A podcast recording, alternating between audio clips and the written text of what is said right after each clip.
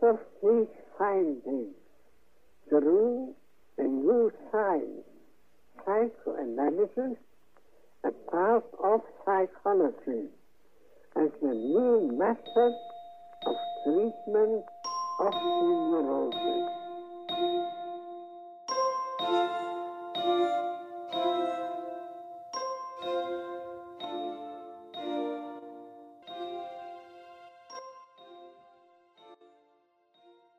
Herkese merhaba. 13 Nisan tarihli psikanalize giriş konferansları çalışmamıza hepiniz hoş geldiniz.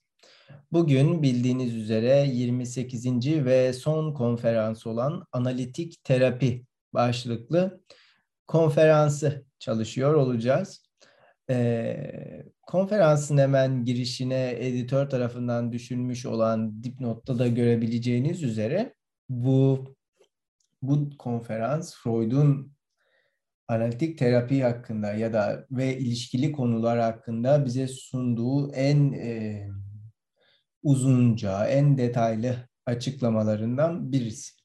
Elbette ki tek açıklama olmadığı hepinizin malumu. İşte bu konferansın verilmesinden yaklaşık 5-6 yıl kadar evvel başlayan diyelim aşağı yukarı teknik makaleler olarak bilinen makalelerde nedir bunlar? İşte aktarımın dinamikleri, aktarım aşkı üzerine gözlemler, hatırlama, tekrarlama, derinlemesine çalışma gibi makalelerde Freud'un zaten hem analitik terapiyi hem analitik süreçte karşılaşılan bazı fenomenleri işte aktarım ya da e, direnç ya da tekrarlama zorlantısı gibi e, izah ettiğini ve örneklendirdiğini hatta psikanaliz uygulamak isteyen e, meslektaşlarına bazı önerilerde bulunduğunu biliyoruz. Tabii bundan eski makaleleri de yok değil Freud'un bu konu hakkında. işte hafızam beni yanıltmıyorsa 1909 tarihli psikoterapi üzerine başlıklı makalesi yine 1900'lerin başında yazdığı Freud'un psikanalitik yöntemi başlıklı tanıtım mahiyetindeki kısa makalesi diyelim. Bu say yayınlarından çıkan 5 konferansın içerisinde okunabilir mevcut. Tabii e, daha da erken yazıları var aslında. Ama daha erken tarihlere gittiğimiz zaman artık hani meselenin kliniğini muhafaza etmek ama psikanalizi konusunda hani e, değişiklikler olduğunu kabul etmek lazım. Çünkü daha erken tarihlere gittiğinizde Freud'un meselenin kliniğini hipnoz ya da telkin ile çalışmaya başladığını görüyorsunuz.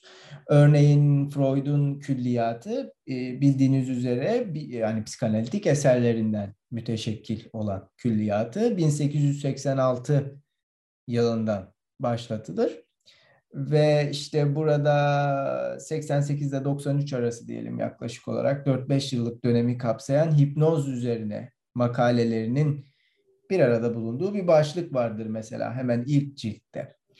Nitekim Freud'un bu dönemde çeviriler de yaptığını görürsünüz. Bu kadar erken bir tarihe gittiğimizde işte Bernheim'ın e,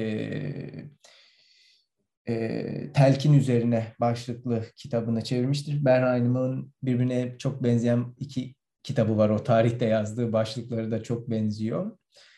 E, Şarko çevirdiğini görebiliyorsunuz. Freud'un vesaire. Yani hani hem bunların çevirisiyle yani teorisiyle ve Almanca'da tartışılmasıyla ilgileniyor bu Freud. Hem de bu Freud bu meselelerin klinik boyutuyla da çok yakından ilişkili.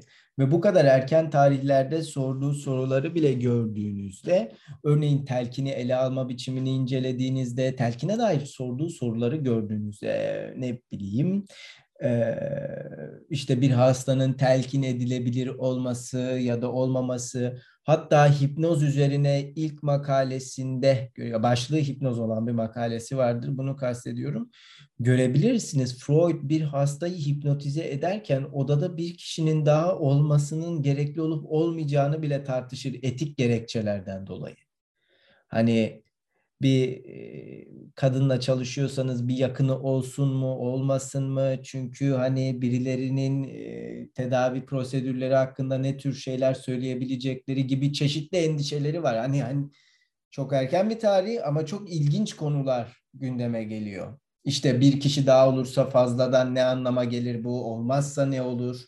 olduğu takdirde ya hipnotize olamazsa kişi gibi böyle gerçekten hem böyle psikanalizle ilişkisini doğrudan görebileceğiniz hem de dolaylı yoldan görebileceğiniz sadece psikanalizi değil belki ama bütün bir psikoterapi alanını ilişkilendir, alakadar edebilecek sorular sorup cevapladığını görebiliyorsunuz Freud'un daha da erken tarihlere gittiğiniz zaman. Tabii bu şeyde tarihçede kısmi olarak sunduğum tarihçede Freud'un e, bizimle bize sunduğu vaka örneklerini hesaba katmadım takdir edersiniz ki onlar zaten hepinizin malumu malumu olan örnekler olarak gözümüze çarpıyor. Yani hani yayınlanan ve yayınlanmayan vaka örnekleri olması da başka bir hadise. Örneğin Freud'un projesinde de bir vaka örneği vardır. Hatta proje yani proje üç bölünmüş gibi e, bilinir. Öyle düzenlenmiştir. Freud'un e, ölümünden sonra evraklar tespit edildiğinde. Bu ikinci bölümün bir e, vakaya ayrılması söz konusudur. Emma vakasına. Ama Freud böyle bir bölüm bölüm bölüm, bölüm tam olarak yapmamıştır yani. Bu şekilde bölmemiştir yazısını. Orada da bir vaka örneği verdiğini görebilirsiniz. Bunun dışında yayımlanmayan notlarından tespit edilebilen vaka örnekleri var. İşte bunları da mesela Freud, Tulakan gibi web sitelerinden istiyorsanız ilginizi çekiyorsa okuyabilirsiniz. Orada ilginç birkaç örnek var bu meselelerle ilgili gibi. Ee, dolayısıyla bugün bize sunduğu bu açıklama yani analitik süreç esas, e, esas alınacak olursa en detaylı açıklamalardan birisi diyelim ama tabii ki gördüğünüz üzere tek açıklaması değil. Burada önemli olan hadise şu, bir önceki e, konferansta aktarım meselesini tartışmıştı Freud bize ve burada işte açıklamalar sunmaya başladığı zaman e, meselenin aslında aktarım boyutuna doğru. Dolayısıyla analistin e, sürece nasıl müdahil ol, olduğuna ilişkin e, hadiselere doğru nasıl evrildiğini ve analistin müdahalesinin ya da müdahale etmemesinin ne anlama geldiğini görebileceğimiz çok e, keyifli bir ders olacak. Bu e, 28. konferans üzerine yapacağımız ilk çalışma. Okumaya başlamadan evvel ben söylemek istediğiniz herhangi bir şey var mı acaba?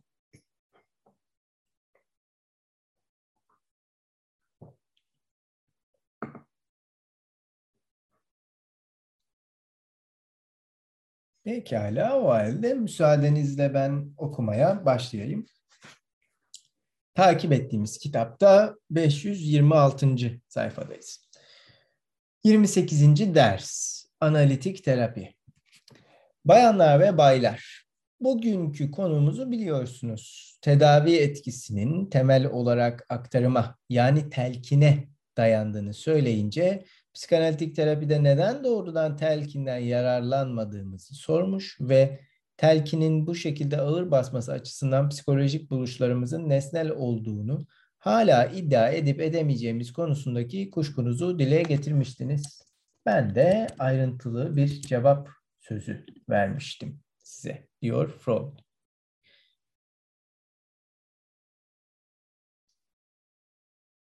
Daha şimdiden zaten telkinle aktarımı beraberce andığını görebilmek hatta neredeyse birbirlerini yerine geçebilecek şekilde andığını görmek mühim gibi gözüküyor. Doğrudan telkin semptomların dışa vurumunu hedefleyen bir telkindir. Otoritenizle hastalığın güdüleri arasındaki bir mücadeledir. Telkinde bu güdülerle ilgilenmezsiniz. Sadece hastadan bunların semptomlardaki dışa vurumlarını baskı altında tutmasını istersiniz. Kendine özgü kavrayış yeteneğiyle Bernheim, telkinin hipnozda temel bir öğe olduğunu, hipnozun kendisinin zaten telkinin bir sonucu, bir telkin durumu olduğunu savunuyor. Ve telkini hipnozdaki telkinle aynı sonuçları verebilen uyanık durumda uygulamayı tercih ediyordu demiş Freud. Hangisini önce dinlemek istersiniz? Deneyimin söylediklerini mi? Teorik varsayımları mı? Gelin ilkiyle başlayalım. 1889'da Nancy'de ziyaret ettiğim ve terkin üzerine yazdığı kitabı Almanca'ya çevirdiğim diyor Freud. Bernheim'in iki kitabını çeviriyor burada gördüğünüz üzere. Bir ön sözü de var. E, külliyatına dahil edilen bizim e-dergilerimizden birisinde çevirisini okuyabilirsiniz. Freud'un Bernheim'a yazdığı bu ön sözün. Ben deniz çevirmiş idim. Geçen yazdı herhalde. Ee, Bernheim'ın öğrencisiydim diyor Freud. İlk önce yasaklayıcı telkin, daha sonra da Breuer'in hastayı sorgulama yöntemiyle birlikte olmak üzere hipnotik tedaviyi yıllarca uyguladım. Dolayısıyla hipnotik veya telkin terapisinin sonuçlarından büyük bir deneyim temelinde söz edebilir. Eski hekimlik klişesiyle ideal terapinin çabuk, güvenilir ve hasta için kabul edilebilir olması gerekiyorsa Bernheim'ın yöntemi bu koşullardan en az ikisini sağlıyordu. Analitik tedaviden çok daha çabuk, kıyaslanamayacak kadar çabuk yürütülüyor, yürütülebiliyor. Hastada ne sorun ne de hoşnutsuzluk yaratıyordu. Ama doktor için bu uzun vadede monotonlaşıyordu her durumda aynı şekilde, aynı törenle en renkli semptomların ortaya çıkmasını yasaklayarak anlamları konusunda hiçbir şey öğrenmeksizin yürütülen bir iş. Bilimsel bir etkinlik değil, büyü. Sihirli sözler, hokus pokus gerektiren bir sihirbazlıktı. Ancak bu hastaya ters düşmüyordu. Ama üçüncü özellik yoktu. İşlem hiç de güvenilir değildi hastalardan birisinde kullanılırken bir başkasında kullanılamıyordu. Birisinde çok işe yararken bir başkasında hemen hiç işe yaramıyor ve kimse de nedenini bilmiyordu.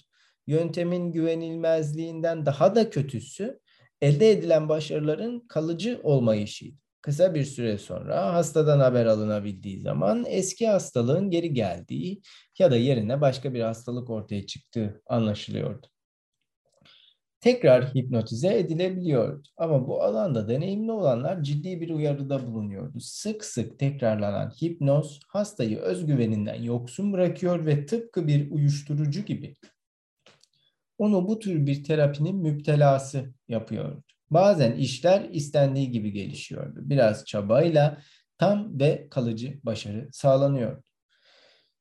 Ama böylesine arzu edilir bir sonucu belirleyen koşullar bilinmiyordu. Bir seferinde bir hanımdaki ağır bir has rahatsızlığı kısa bir hipnotik tedaviyle tamamen ortadan kaldırabilmiştim. Ama kadın benden kaynaklanmayan nedenlerle bana kızınca hastalık olduğu gibi geri gelmişti. Barıştıktan sonra sorunu bu kez çok daha etraflıca ortadan kaldırdım. Ama benimle ikinci kez kavga edince hastalık tekrar ortaya çıkmıştı. Bir başka seferinde hipnozla nevrotik durumdan tekrar tekrar kurtardığım bir kadın son derece inatçı bir durumun tedavisi sırasında birdenbire kollarını boynuma dolayıverdi. İsteyelim veya istemeyelim böyle bir olaydan sonra insan telkin tedavisindeki otoritesinin doğasını ve kökenini sorgulamaktan kendini alamıyor demiş Freud.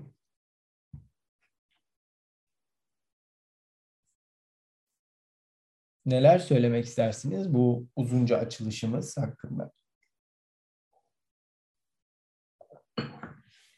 Belki ben bir şeyler söyleyebilirim. Talat Parman'ın Ergenliğin Tutkusu adlı kitabında ilk önce otoriteyi açıklıyor. Zaten ilk başta da Freud'un şöyle bir cümlesi var. E, doğrudan telkin semptomların dışa vurumunu hedefleyen bir telkindir. Otoritenizle hastalığın güdüleri arasında bir mücadeledir diyor. Ve otoriteyi şöyle açıklıyor. Türkçe'de yette, yetke, sulta, velayet sözcükleriyle karşılanmaktadır. Bir yandan yaptırma ve yasak etme hakkı ya da gücü anlamına gelmektedir. Öte yandan da yeterliliğine herkesi inandırarak bir kimsenin kendisine sağladığı itaat ve güven anlamına gelmektedir. Sonrasında ee, Richard Starban'ın şöyle bir sözünü söylüyor. Bir çocuk için otoriteyi temsil eden ilk kişiler anne babalardır. Daha sonrakiler tanrı, öğretmenler, müdürler, hekimler, çocuklarla meşgul olanlar, liderler hepsi bizim için anne babanın temsil ettiği otoritenin yeni biçimleridir. ve yaşamımızda onlara karşı tavrımız anne babamızın otoritesine karşı tavrımın, tavrımızın bir yönelimisidir diyor. Aslında terapi odasında da bizim aktarımımız bir şekilde buradan başlıyor. Ve şunu ekliyor. Freud otorite sözcüğünü ilk kez cinsellik kuramı üzerine Üç Deneme adlı kitabında kullanır. Aşkın saflığı böylece otoritenin önemli bir kaynağı dahası kökensel kaynağı haline gelir. Aynı metnin bir dipnotunda da hipnotize olanların uysallığını şu şekilde açıklar. Libidonun parantez içinde cinsel dürtünün majosiz, majosiz birleşeni sayesinde e, hipnotizmacının kişiliğine bilinç dışı saplanmasıdır. Yani benim anladığım şey buradan şuydu. E, bir şekilde hipnoz edinin sonrasında aslında bunu biraz daha refer ediyor ama bunu uygunluğu ya da uygun olmaması oradaki otoritenin yani Anileza'nın anne babasıyla ya da o otorite figürünün e, yansıtmasıyla ilişkili oluyor ve Freud sonrasında Frenchy'nin telkin edilebilirliği anne baba karmaşasına bağladığına dikkat çeker. Frenchy 1909 tarihli Aktarım ve içi Atma başlıklı yazısında aktarımın derin kökü tüm nesne aşkında olduğu gibi anne babasal karmaşalardan gelir demiştir. Yani ben o satırları okuduğumda direkt olarak bu kitaba gittim. Çünkü e, ilerleyen yerlerde çok açıklıyor mu çok hatırlayamadım ama telkin edilebilirlik ya da edilememezlik bir şekilde ergenliğin tutkusunda otorite itaat ve itaat olmama olarak açıklanmıştı bu kitapta. Ve bir şekilde Freud'un otorite kavramıyla da paralel gidiyordu. Ee, söyleyeceklerim galiba bu kadar biraz daha bakıyorum. Ha bir de e, telkinle ilgili tam olarak bu otoritenin tanımıyla da paralel gidiyor işte yasaklayıcı telkin yani otoritede de kelime anlamına baktığımızda aslında yasaklamak bir şey yapmamayı sağlamak gibi çeviriyordu kitapta. Bir ikincisi de belki şeye ekleyebilirim. Oraya okuduk mu tam emin değilim ama e, hani hemen şimdi bir iyileşim gerçekleşsin. Hasta için de e, terapist içinde hemen şu anda olsun. Aslında günümüzde olan şey de biraz daha böyle. İşte bilişsel davranış terapi de bu yüzden çok fazla tercih ediliyor ya da e, bir ayahuasca çayı var. İşte ben bir çayı içeceğim, bir anda hayatın anlamını bulacağım, iyileşeceğim, çok çok çok iyi olacağım gibi düşünceler de var. O satırları okuduğumda da direkt bende şöyle bir şey oldu. E, o tüm güçlü duyguyla hepimizin içinde olan her şeyi bir anda iyileştirme, hemen iyileşme ve hemen iyi olma arzusuyla alakalı gibi geldi. Benim yorumlarım bu kadar. Başka bir şey söylemek isteyen varsa dinleyebilirim.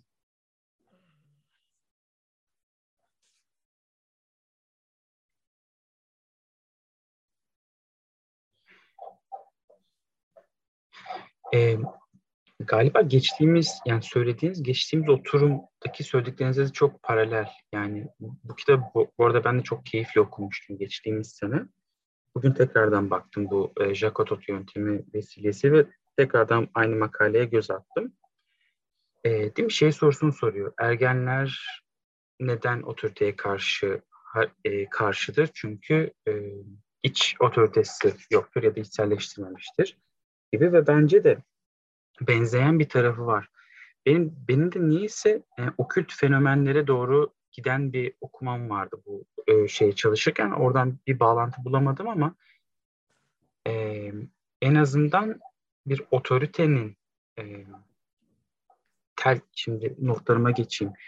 E, yani çok güzel bir deyim var. E, ele ele verir talkını kendi yutar salkımı e, yani talkını, telkini, e, talkım telkin e, demek. Yani yol gösterme anlamı var ve bunun gerçekten otorite kabulüyle başlayan bir tarafı var. E, ben telkin kelimesi üzerine ilk önce bir durdum. E, biraz İslam hukukuyla bir alakası olduğunu gördüm. İslam hukukunda e, tanığı etkileme gibi bir anlamı var tanık olanı etkileme. Ama tartışmanın büyüğü şununla açılıyor. E, ölülerinizi la ilahe illallah demeyi telkin edin. Biraz birden uçtum ama şimdi ölü, buradaki ölülerinizin meselesi ölecek olanlarınızı, e, ölmekte olanlarınızı diye okunuyor. Yani ölmekte olanlara bazı esasları hatırlatın diyor. Ölülerinize la ilahe illallah demeyi telkin edin. Yani bir otoritenin varlığını, hani onları tekrar etmeyeyim, bir işte Allah'ın varlığını, peygamberin varlığını, bir otoritenin varlığını tekrar edin. Ee, çalıştığımız kısım için önemli olan buradaki bazı esaslar kısmı. Bence telkin bir esasa göre veriliyor çoğu zaman. Her şeyin belli olduğu bir düzlemde e, konuşuyor. Ama işte hani deyimdeki haliyle hani ele verir talkımını kendi yutar salkıma meselesinde bir kişi telkin verdiğinde e, odaya kendisini de dolduruyor. Ve hatta kendisinin öyle davranıp davranmadığı meselesi ortaya çıkıyor niyeyse. Mesela bir, birine tavsiye, öneri verdiğinizde, telkin ettiğinizde dönüp size şunu deme hakkını bulun, buluyor. Sen öyle mi yapıyorsun? Sanki böyle bir alan açıyor. Yani kendinizi de vermiş oluyorsunuz odaya dahil etme anlamında. E, bu bir yorum olabilir. E, ama telkinin bana kalırsa böyle bir tarafı var. E, ama şimdi bir şey daha ekleyeceğim buraya. şey, e, Şahin açarken e, teknik yazılardan bahsetti. E, 1905'teki metnini. E, bu metin analitik terapi üzerine gibi gözüküyor bence ama özellikle analitik terapiyle telkini ayırmak için, netleştirmek için yazılmış gibi. Çünkü e, belki de o yıllarda Freud e, teknik makalesinde şöyle diyor. E, insanlar bana hip, hipnoz etmem için bir sürü hasta yolluyor diyor. Ama ben e, o yöntem yöntemle artık çalışmadığım için hani siz e, bu yöntemi uygulayabilirsiniz diyor. Şimdi şurayı okuyacağım doğrudan. Aslında buradaki ayrım çok önemli. En başta şunu söyleyeyim. Analitik çalışmayı bir heykel sanatına benzettiği yer tam, tam olarak bu. Telkin, bir şey ekleyen analitik çalışma, bir şeyler çıkartan, latincesiyle e, Freud yazıyor. Doğrudan okuyorum. Bu e, Freud'un teknik yazıları adı şey eş çok ilginç bir e, bence şeyi var. Kitabın yayın tarzı var. E, yazan Freud ama Freud'un teknik yazıları. Hani benim teknik yazılarım diye bir komik tarafı var. E, onu da geri gelmişken söyleyeyim. Şimdi şuradan okuyorum. Yani şey gibi hani e, Freud'un teknik yazıları başka bir taraftan sesleniyor ama yazar Sigmund Freud. Ee, şöyle. Aslında telkin ve analitik teknik arasında mümkün olan en büyük antitez vardır. Bu güzel sanatlarda Büyük Leonardo da Vinci tarafından şu formüllerle özetlenen antitezdir. Per vi adi porre ve per vi adi levare. Şimdi birisi porre Latince'de eklemek demek. Levare çıkartmak, kaldırmak demek. Bunun arasında bir antitez görüyor Freud. Leonardo resim sanatının per vi adi porre şeklinde ilerlediğini söyler çünkü üzerinde hiçbir şey bulunmayan renksiz bir tuval üzerine bir renk, renk parçacıkları uygulanır. Bununla birlikte heykelin yüzeyini gizleyen her şeyi dahil olduğu taş bloktan ayırdığı için heykel sanatı per vi adi levare, levare kaldırmak şeklinde ilerler. Benzer bir biçimde telkin tekniği per vi adi porre yani ekle, ekliyor, koyuyor şeklinde ilerlemeyi amaçlar. O semptomların kökeniyle ve e, kökeniyle, gücü ve anlamıyla ilgilenmez. Bunun yerine patolojik fikrin ifade edilmesini engelleyecek kadar güçlü olacağı beklentisiyle bir öneriyi yerleştirir. Öte yandan analitik terapi yeni bir şeyi eklemeye ya da tanıtmak değil, bir şeyi çıkarmaya, bir şeyi ortaya çıkarmaya çabalar ve bu amaçla hastalık belirtilerinin oluşumuyla ve ortadan kaldırmaya çalıştığı patojen fikrin psikik bağlantılı bağlamıyla, pardon, bağlamıyla ilgilidir.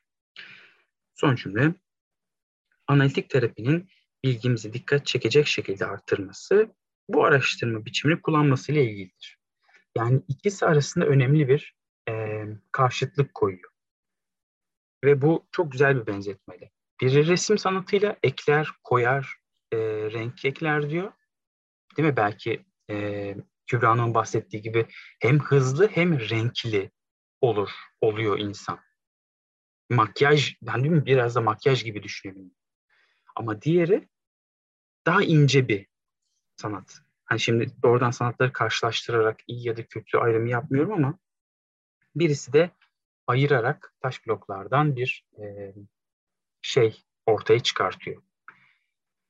E, benim söyleyeceklerim bu kadar. E, telkin meselesinin bence böyle tarihsel bir önemi var. Doğrudan bu bölüm analitik terapiyi anlatma için girişilmemiş bir metin olarak okuyorum ben.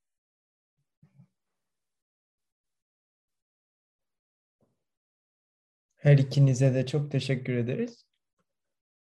Yorum yapmak isteyen var mı?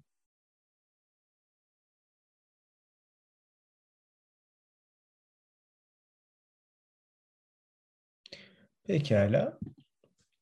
Şu şekilde söyleyebilmek mümkün zannediyorum ki bir yandan e, kliniğin asimetrisi içerisinde bir otorite figürü ya da bir otorite figürü varsayılan yani bir otorite figürünün bulunması gerektiği farz edilen bir yeri işgal eden bir figürden bahsediyoruz. Diğer bir yandan ise bu figürün e, işe koştuğu ya da koşmadığı bir teknik olarak telkinden bahsediyoruz. Tabii işe koşmuyor ise şayet e, bu tekniğin ortaya çıkarttığı şeyler konusunda nasıl bir cevap veriyor değil mi? Çünkü e, örneğin mesela şunu söyleyebilmek mümkün. Hatırlarsanız geçtiğimiz konferansta bize Freud şunu söylemişti. Bakın eğer bir hasta sizin kendisine verdiğiniz öğütlerden bu kadar çok etkileniyorsa mesele sizinle ilgili değildir demişti. E, hisleri üzerine çalışmalarda Freud'a ait ilk vaka örneğine bakın. E, Frau, Fraulen miydi? Frau Emmi miydi? Yabancı dilde zor evli evli değil biraz iş karışıyor. Ee, ilk vakada şunu görebilirsiniz. Hipnotik e, müdahaleleri süresince Freud sürekli öğütler veriyor hastaya. Yani hani onun kendisini çok kötü hissettiği ya da suçlu hissettiği noktalarda açıklamalar sunuyor bayağı. Böyle olmalı, böyle olmamalı gibi şöyle. Hatta işte okursanız Freud'un işte onun bu duygusunu hafiflettim, onun bu duygusunu rahatlattım gibi ibareler kullandığını görebiliyorsunuz. Ama orada editör çok da komik bir not düşmüş bence. Demiş ki vaka dikkatli okunduğunda Freud'un bu e, müdahalelerinin hiçbir işe yaramadığı görülecektir gibi bir şey yazıyor. Gerçekten de Freud'un bu tırnak içerisinde rahatlatmaya yönelik olan tırnak içerisinde yine diyelim telkinleri e, pek olumlu sonuçlar vermemiş.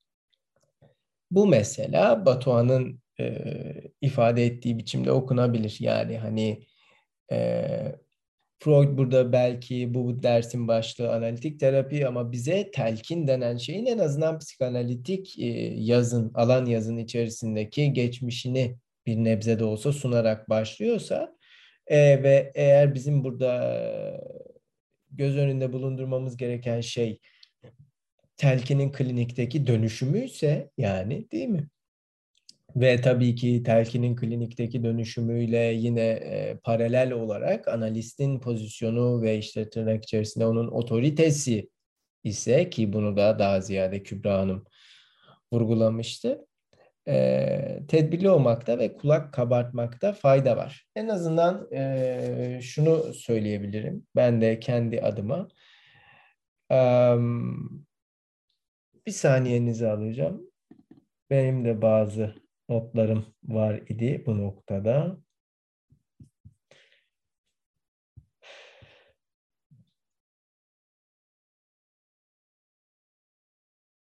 Şimdi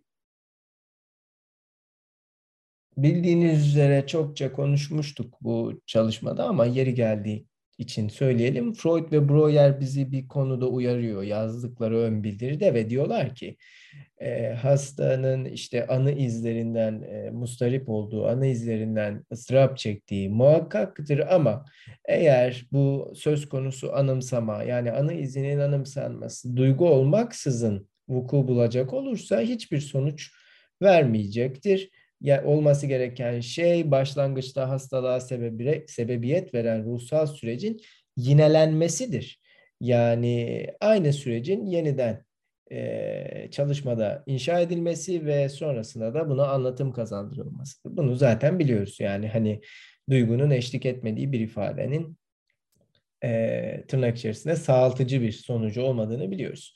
Yine bu ön bildirinin devam eden sayfalarında e, Freud ve Breuer bizi şu konuda uyarıyor ve diyor ki e, bir histeri atağında etkin olan bir bölgenin yani bedenin bir bölgesinin uyarılması ile patojen nitelikteki yaşantının bir benzerinin yeniden deneyimlenmesi arasında bir fark yoktur diyorlar. Yani bir yandan bedenin uyarılmasından bahsediyoruz. Diğer bir yandan da yaşantının tırnak içerisinde diyelim tekerrüründen belki bahsediyoruz değil mi? Ama tekerrür de başlı başına çok önemli bir ifade. Şimdi yaşantı dolayısıyla tecrübe ve diğer bir yandan da beden ve anlatı, anlatım yani dolayısıyla dil gibi mefhumların nasıl yan yana geldiğini görebiliyoruz burada. Bu şu açıdan önemli.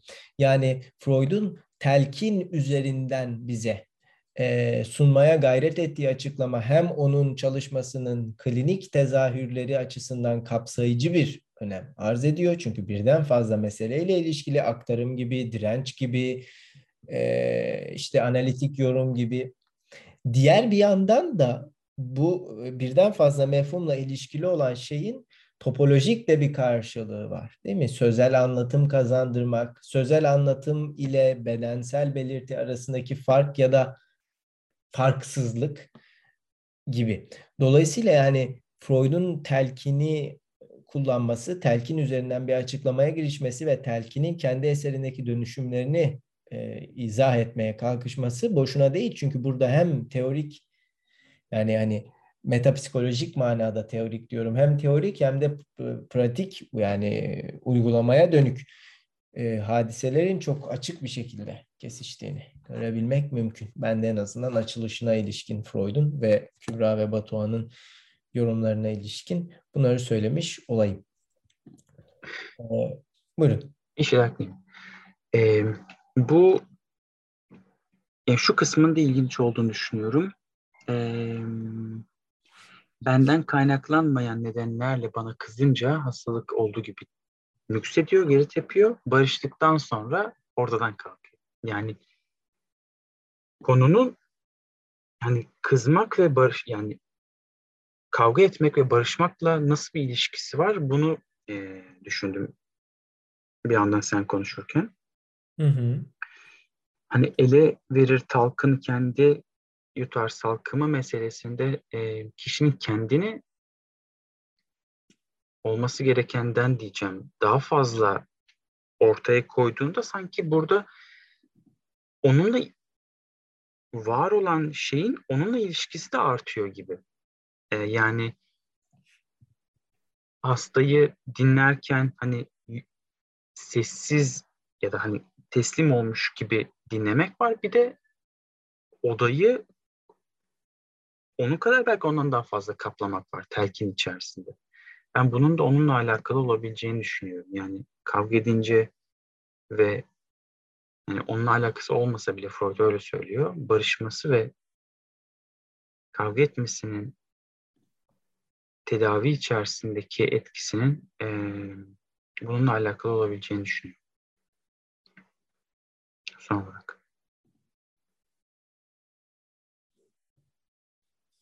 Teşekkür ederiz Batuhan. O zaman müsaadenizle devam edeyim. 2-3 paragraf okumayı planlıyorum. Freud demiş ki bu kadar deneyim yeter. Deneyim bize doğrudan telkinden vazgeçmekle yeri doldurulamaz bir şey kaybetmemediğimizi gösterir. Gelin buna bir iki şey daha ekleyelim. Hipnotik terapi uygulaması hastadan da doktordan da pek bir şey istemez. Bu bugün bile doktorların çoğunun nevrozlar konusundaki düşüncelerine çok iyi uyar. Doktor nevrotik hastasına şöyle der. Sinirlerinle ilgili bir derdim var ama ben birkaç sözle sorunu birkaç dakikada ortadan kaldırabilirim.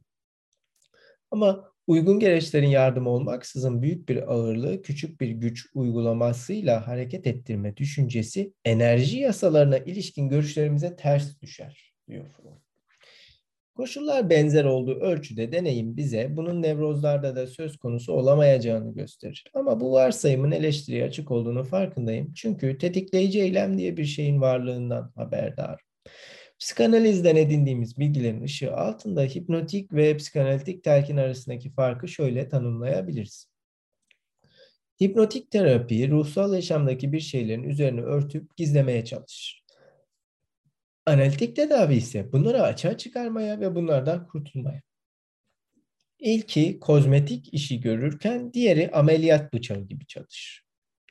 İlki semptomları yasaklamak için telkinden yararlanır. Bastırmaları pekiştirir. Bunun da ötesinde semptomların oluşumuna yol açan bütün süreçleri olduğu gibi bırakır.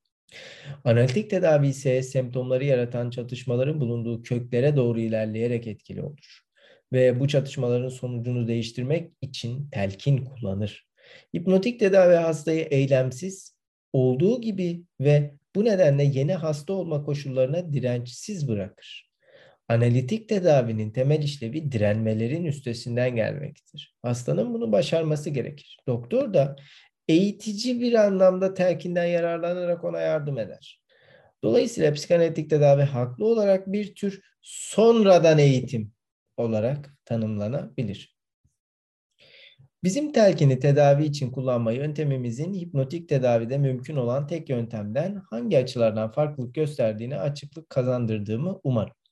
Ayrıca telkinin aktarıma bağlanabilmesi açısından hipnotik tedavide telkini, yani hipnotik tedavide dikkati çeken güvenilmezliğe karşılık analitik tedavinin belli sınırlar içerisinde güvenilir olduğunu da anlayacaksınız. Hipnozda aktarımın kendisini etkilemek sizin hastanın aktarım yeteneğine bağlıyız. Hipnotize edilecek kişinin aktarımı negatif veya sıkça ikircikli olabilir ya da kişi özel tutumlar geliştirerek kendini aktarıma karşı koruyabilir. Biz de bir şey öğrenemeyiz.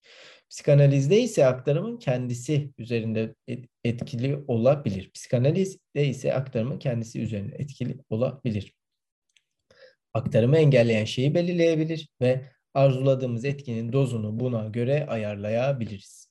Böylece telkin gücünden yeni bir avantaj kazanmamız mümkün olur. Telkini tam anlamıyla kontrol ederiz. Hasta kendine canının istediğini telkinleyemez. Etkiye açık olması ölçüsünde telkini biz yönlendiririz demiş bize Freud. Oldukça keyifli paragraflardı. Neler düşünürsünüz Freud'un burada sunduğu açıklamalar hakkında?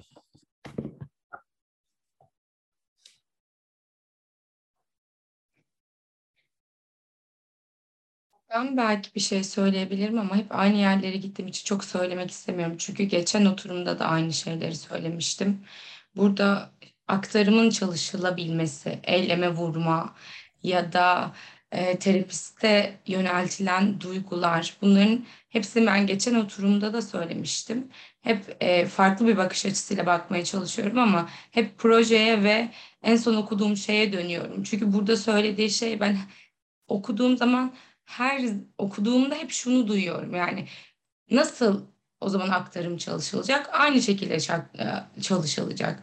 Şöyle ya eyleme vurulacak, e, analizan bunu yaşayacak, sonrasında gelecek terapistiyle paylaşacak. Çünkü telkinde böyle bir durum söz konusu değil. Telkinde yapılan şey belli bir durum var. E, ya da hipnoz ediliyor da edilmiyor bir bilgi var onu dayatmaya çalışıyor Anilezan'a. Ama Anilezan'ın yinelediği, tekrar zorlantısına girdiği bir yer var. ve bunu fark etmediği alanlar var. Bunu aktarımla birlikte çalışmak çok önemli gibi geliyor bana. Devamında da ben hep aynı şeyi okudum. Hep aynı yere dönüyorum. Onun, onun sonrasında işte bellek izlerinden de bahsedecek. Orada da sürekli projeye gidiyorum. Yani hani şöyle bir şey oluyor. Ee, aktarımın çalışılması için e, analizanın buraya bir şey getirmesi lazım. Yani e, Rümeysa'nın da dediği şey vardı. Şu an Rümeysa yok ama burada. E, neden işte Freud bunu yapma ya da bu engellensin? Neden işte evlenme, aşık olma ya da büyük iş kararları alma? Çünkü tekrarlanan bir zorlantı var. Onun bir devamı var. Nesneler değişebilir, olaylar değişebilir. Bütün her şey değişebilir ama bilinç dışında Analizanın yaşadığı bir durum var.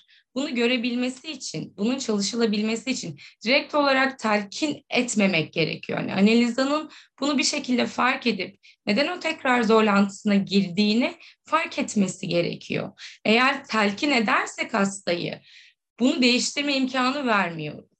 Belki anne babası gibi davranıyor olabiliriz ya da arkadaşı gibi davranıyor olabiliriz. Bunu fark etmemesini sağlıyor olabiliriz gibi ben her seferinde böyle okudum. Yani bilmiyorum siz ne düşünüyorsunuz ama benim gördüğüm şey, benim okuduğum şey her zaman şuydu. Ee, bunun çalışılabilmesi için bir şeylerin denem, denenmesi gerekiyor gibi geliyor bana. Bilmiyorum.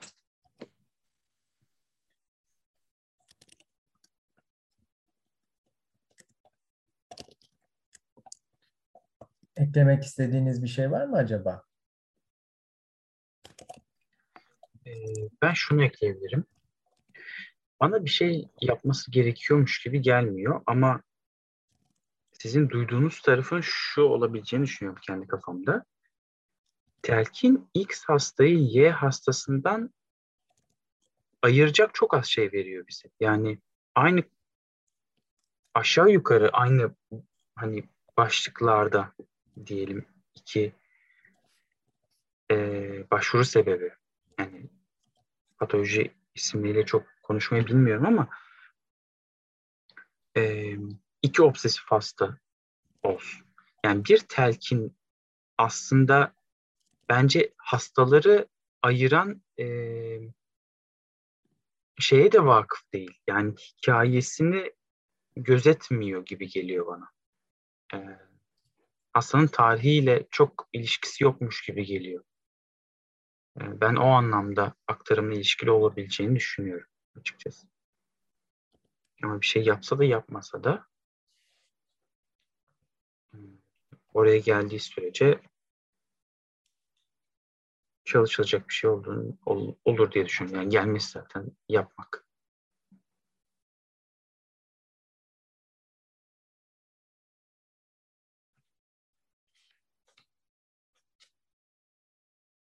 Yorum yapmak isteyen var mı?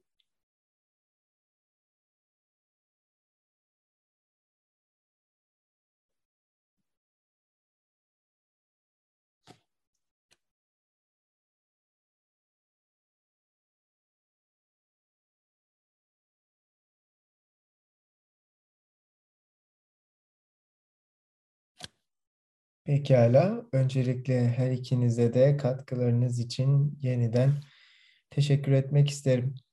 Ee, tabii ki yaptığınız yorumlar ışığında şu ortaya çıkmış oluyor değil mi? Yani nihayetinde bir şeyi telkin etmek ne demek?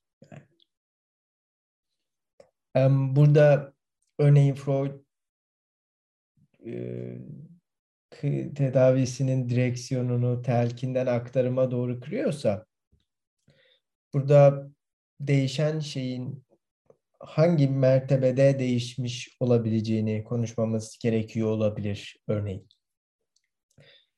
Yani mesela tamamen karikatürize ederek ve hani açıkça bir meseleleri olduğundan daha basit hale getirerek sormak isterim.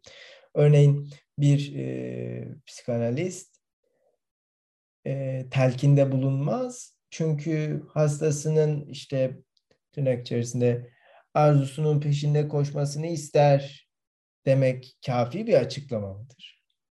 Ya da bir psikanalist telkinde bulunmaz çünkü işte onun doğrusu hastasının doğrusuyla örtüşmez, onun gerçekliği hastasının gerçekliğiyle örtüşmez, onun dünya görüşü hastasınınkiyle örtüşmez gibi çeşitli açıklamalara girerek meseleyi böyle biraz da göreli hale getirmek kafi midir örneğin?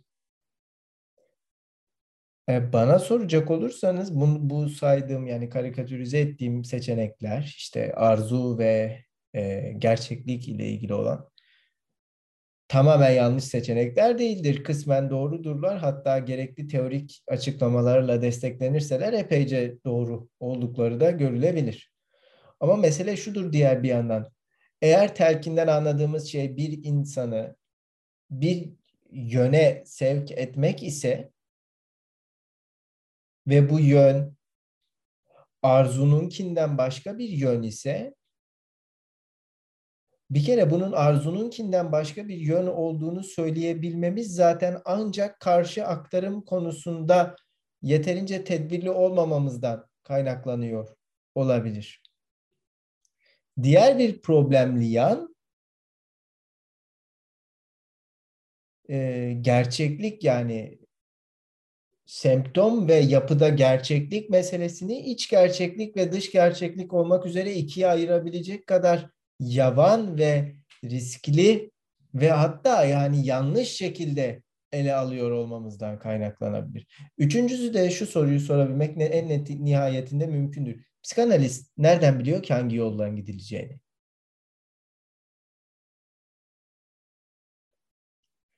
Hastası yapmadığı sürece analistin de sahip olmadığı bir bilgiden bahsediyoruz. Freud bunu Beş konferansta çok açıkça söyler. Yani şunu söyler. Artık telkin çalışmaktan vazgeçtim. Hatta bir, bir saniye müsaade ederseniz size bizzat kendi cümleleriyle okuyayım. Ee, hipnoz kullanmadan tedaviye başlamakla ilgili şöyle söylüyor Freud. Kuşkusuz başlangıçta bu saçma ve olumsuz bir girişim gibi gözüküyordu. Böyle bir girişimle gerek benim gerekse kendisinin bilmediği şeyi hastamdan öğrenmeye çalışıyordum diyor Freud. Şimdi üzerinde çalışılan bilgi kendisini ya da hastasının vakıf olmadığı bir bilgi. Ama bu noktada da şunu konuşmamız gerekiyor. Bu bilgi saklı olduğu için mi bilinmiyor? Çünkü gizli yani erişilemez bir yerde benim için. Yoksa bu bilgi henüz mevcut olmadığı için mi bilinmiyor? Çünkü bu ikisine verilecek cevaplar birbirinden farklı olacaktır. Freud'un e, bu, bu da, da Vinci benzetmesi çok keyifliydi. Bir yandan da Freud'un sıkça kullandığı diğer başka bir benzetmeyi arkeoloji benzetmesine çok anımsatıyor. Yani hani bu analiz meselesini eşelemek ve işte e, azaltmak, çözmek ve benzeri şekillerde dile getiriyor olması diğer bir yandan şu demek. Bu bir iş yani. Yapılacak bir şey bu. Yapmanız gerekiyor. Hani e, bunun üzerinde çalışmanız, e, elde e, bir bilgi ortaya çıkartmanız gerekiyor. Yani bir bilgiyi e, daha doğru bir tabirle belki kurgulamanız gerekiyor. Ama bu bilgiyi kurgulamak demek diğer bir yandan sizin şahsi tarihinizi kurgulamanız demek. Ve bu şahsi tarihi kurgularken referans aldığınız derli toplu bir büyük harfli tarih yok. Yani psikanalist e, etik değerlere bağlılığından, hastasına olan saygısından vesaire falan filan telkinde bulunamıyor değil. Bilmediği için bulunamıyor. Ne hangi bilgiyle telkinde bulunacak yani? E görebilirsiniz işte histeri üzerine çalışmalarda. Freud rahatlatmaya çalışıyor hastalarını ama hiçbir işe yaramıyor yani. Çünkü bu bir bu, bu seviyedeki bir bilgiyle çözülebilecek bir hadise değil bu.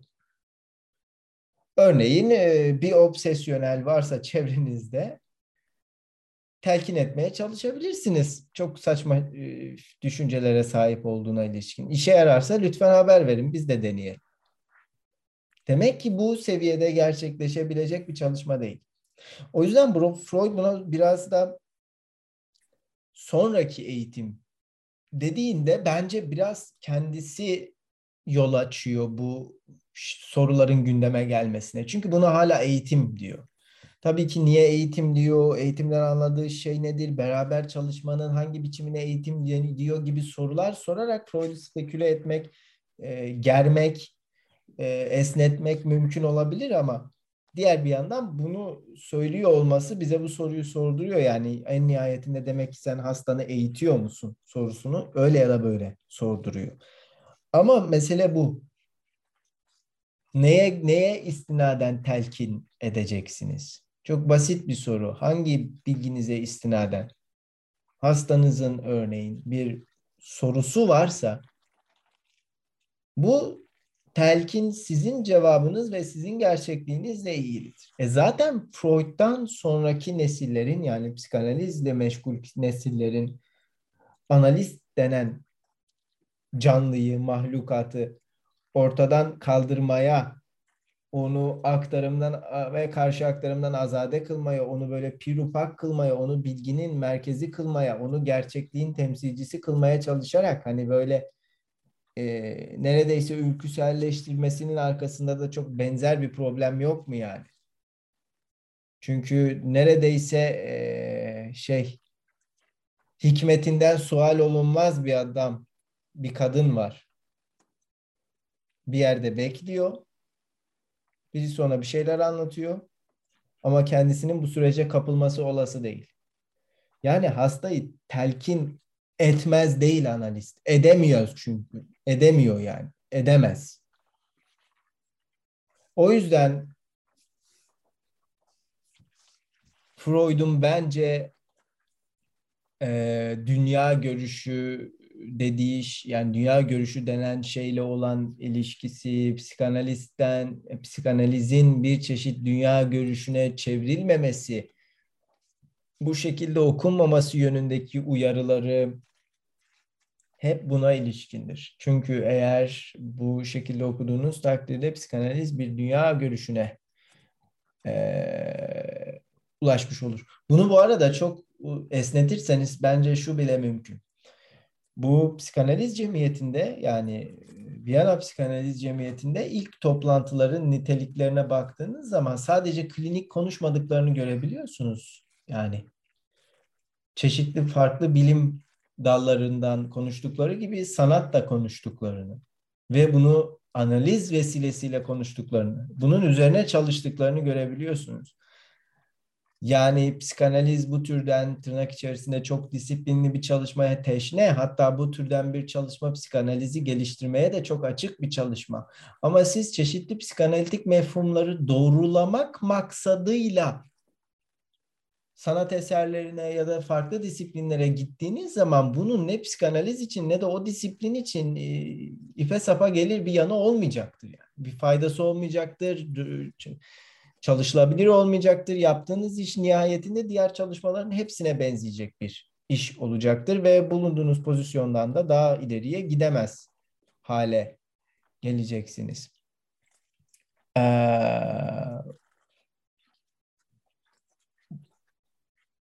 bunu işte geçtiğimiz günlerde gruba erişime açık bir psikanaliz dergisi atmıştım hatırlarsanız. Orada e, Donna Haraway ve bir psikanalist e, aşağı yukarı benzeri kavramlardan bahsediyorlardı. E, bir bilim insanının çalıştığı bilim disiplinine olan karşı aktarımı ile ilgili olarak. Yani çalıştığınız disipline karşı aktarımınızdan bahsediyorlar. Sorunuza karşı aktarımınızdan bahsediyorlar. Bir yandan da manipülasyon değil mi? Sorunuzu manipüle edebilirsiniz, verinizi manipüle edebilirsiniz örneğin. Bugün mesela bir arkadaşım bana bir e, anket çalışması örneği gönderdi. Anket çalışmasında bir ihtar var diyor ki bu çalışmanın selameti sizin verdiğiniz cevaplardaki samimiyetiniz ölçüsünde mümkündür. Şimdi benden samimi olmamı dilenen bir bilim var. Şimdi bu bilimin sorduğu sorunun nasıl bir üretime e, açık olduğunu düşünebilirsiniz ki? Bir gün kaç milyar insan varsa dünyada uyansa ve dese ki bugün bize anket yapan bütün bilim insanlarına yalan söyleyeceğiz deseler. Hep beraber anlaşıp ve karşılarına gelen bütün anketleri manipüle etseler. Teknik olarak hepsi bilimsel olarak doğru olabilecek ölçüte ulaşabilecektir yani. Şimdi Batuhan daha iyi bilir o bir ölçek çalışması yaptı ama tabii ki sizi manipüle etmeye ya da kültürel olarak arzulanır olanları tercih etmeye yönelik bir eğiliminiz daima olacaktır böyle bir çalışmada ama herkes bunu manipüle ettiğinde sizin veriniz kimseyle karşılaştırılamayacağı için manipülasyon gerçeklik değeri kazanacak neredeyse. Tabii ki bu çok kurmaca ve karikatürize bir şeyden bahsediyorum. Ama diğer bir yandan bu kişinin sorusuna olan karşı aktarımını bir düşünün. Yani böyle bir çalışmaya olan karşı aktarımı düşünün. İki günde test tekrar test yapıyoruz. İki günde anlaşmaları lazım diyor Batuhan. Ya olabilir tabii ki. İki günde anlaşabilirsiniz. Veya işte başka katılımcılar veya başka araştırmacıların test uygulaması şeklinde kontrol etmeye de çalışabilirsiniz. Ama nihayetinde eğer böyle bir şey keşfedilirse yapılır. Velhasıl bu soruda hiç şey yokmuş gibi değil mi? Hiç kişi kişi yok.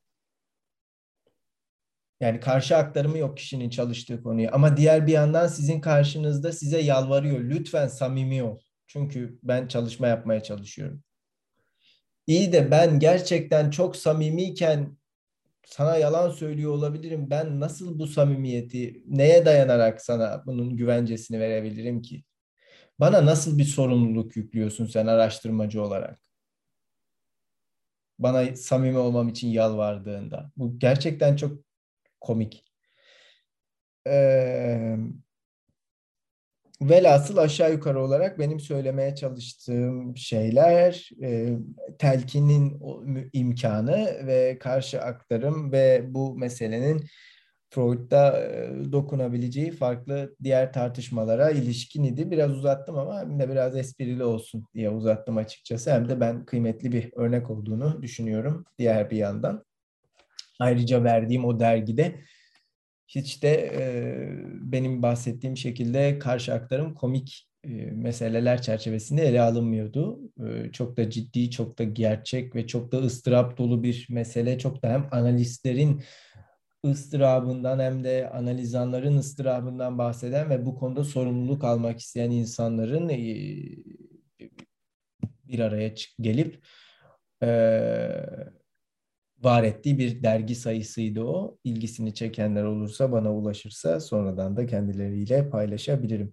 Kabaca e, trans deneyimler ve analiz ile ilgili olduğunu söyleyeceğim ama trans kelimesini kullanmaktan özellikle çekiniyorum. Çünkü derginin ön sözünde zaten bu sözü bu kelimeyi kullanmayı çok güçleştirebilecek hadiselerden bahsediliyor ama kabaca bu şekilde e, özetlemiş olayım her ne kadar riskli olsa da. E, eklemek istediğiniz bir şey var mı acaba?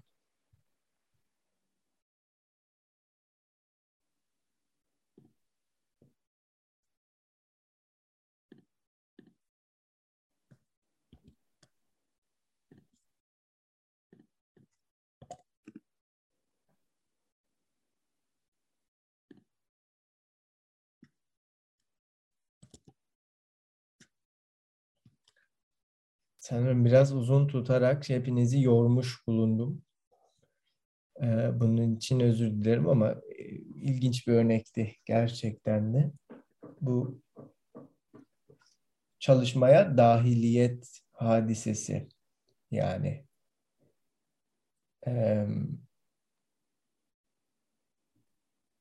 hiç konuşulmayan bir konu bu. Elbette ki bazı etik gereklilikler yerine getiriliyor bu çalışmaların gerçekleştirilmesi doğrultusunda. işte imzalar alıyorsunuz ve çalışmanızın etik açıdan uygun olduğuna kanaat getiriliyor ve siz de bu çalışmayı yapabilir oluyorsunuz. E, yasal olarak diyelim. Yani en azından çalıştığınız içerisinde bulunduğunuz kurum çerçevesinde yasal olarak Ama tabii ki en azından bugün burada konuştuğumuz konu yani analiz, telkin, aktarım çerçevesindeki konunun ne kadar daha farklı bir seviyeden ve ne kadar daha ciddi ve ne kadar daha şahsi bir yerden geldiğini gördüğümüzde bu bu çalışmanın çok daha farklı bir çalışma olduğu ister istemez göze çarpıyor. Yani diğer bir yandan şunu söylemeye de çalışıyorum yani yani daha evvel Derrida üzerinde konuşmuştuk değil mi yazı ve farktan bahsederken. Edebiyat, yaşam bunları birbirinden nasıl ayıracaksınız? Aralarına tire mi çekeceksiniz? Bağlaç mı koyacaksınız? Bunları gerçekten birbirinden ayırabiliyor musunuz? Konuşan ne? Yazısı mı? Semptomu mu? Bağırsakları mı? Hastalığı mı?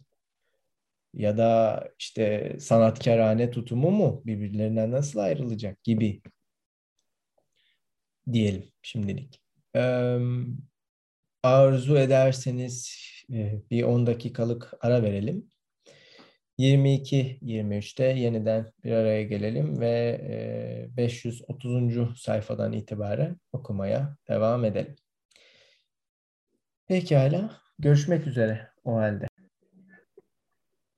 Herkese merhaba. 13 Nisan tarihli psikanalize giriş konferansları atölyemizin ikinci oturumunda yeniden beraberiz. E, takip ettiğimiz kitabın 530. sayfasında kalmıştık. Bildiğiniz üzere aktarım, karşı aktarım ve telkin üzerine konuşuyorduk. E, ilk oturumun ilk, ilk oturumun sonlarında ben konudan fazlasıyla sapan uzunca da bir yorumda bulunmuştum ki herkesin canının sıkıldığını fark ettiğim için araya gitmiştik. O yüzden müsaadenizle 530'da kaldığımız paragraftan itibaren okuyayım. Böylelikle konumuza e, sıkı bir şekilde geri dönmüş oluruz diye umut ediyorum. Şöyle yazıyor bize Freud. Ama analizimizdeki güdü gücüne ister telkin ister aktarım diyelim. Hastayı etkilememizin, bulgularımızın nesnel eminliğini kuşkuya düşürme riski olduğunu söyleyeceksiniz. Tedavide avantajımız olan şey araştırmalarımıza zarar veriyor. Bu çok çok iyi bir cümleymiş bu arada. Tedavide avantajımız olan şey araştırmalarımıza zarar veriyor. Bu psikanalize karşı en sık dile getirilen eleştiridir ve temelsiz olsa da mantıksız deyip geçemeyeceğimizi kabul etmek gerek. Haklı bir eleştiri olsaydı psikanaliz özellikle iyi gizlenmiş, özellikle etkili bir telkin tedavisi olur. Biz de yaşamımızı etkileyen şeyler ruhsal yapının veya bilinç dışının dinamikleri konusunda bize söylediği her şeyi hafife almak zorunda kalırdık. Rakiplerimiz buna inanıyor. Özellikle de yozlaşan hayal gücümüzde bir şeyler kurup sonra da cinsel deneyimlerin önemiyle ilgili her şeyi hatta bu deneyimlerin kendilerini hastanın kafasına soktuğumuza inanıyorlar. Bu suçlamaları teoriden çok deneyim boşa çıkarır. Kendisi de psikanaliz uygulamış her insan Hastaya bu şekilde terkin vermenin mümkün olmadığını tekrar tekrar görür. Doktor hastayı belli bir teorinin destekçisi yapmakta ve böylece kendi hataların paylaşmasını sağlamakta elbette güçlük çekmez. Bu açıdan hasta herhangi birisi, herhangi bir öğrenci gibi davranır. Ama bu onun hastalığını değil sadece zekasını etkiler. Ne olursa olsun çalışmaları. Ancak ona verilen beklentisel görüşler onda gerçek olana uyarsa başarılı bir şekilde çözülebilecek direnmeleri aşabilecektir, aşılabilecektir. Doktorun görüşlerindeki hatalar analizin akışı içinde açığa çıkacak, düzeltilmeleri gerekecektir. Telkinden kaynaklanan erken başarıdan kaçınmak için dikkatli bir teknik uygularız.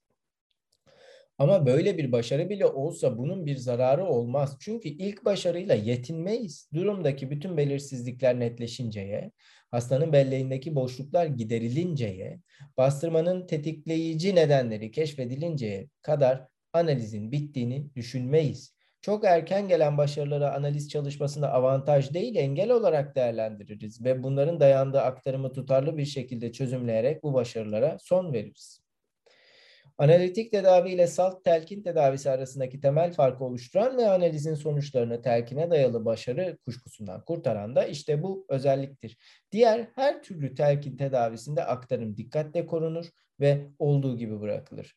Analizde ise aktarımın kendisi de tedaviye tabi tutulur ve hangi kılıkta ortaya çıkarsa çıksın en ince ayrıntılarına kadar incelenir analizin sonunda aktarımın da ortadan kalkması gerekir. Böylece elde eden, edilen başarı devam ederse bunun nedeni telkin değil, İç direnmelerin analiz tekniğiyle aşılması ve hastada gerçekleşen iç yani ruhsal değişmelerdir demiş bize Freud.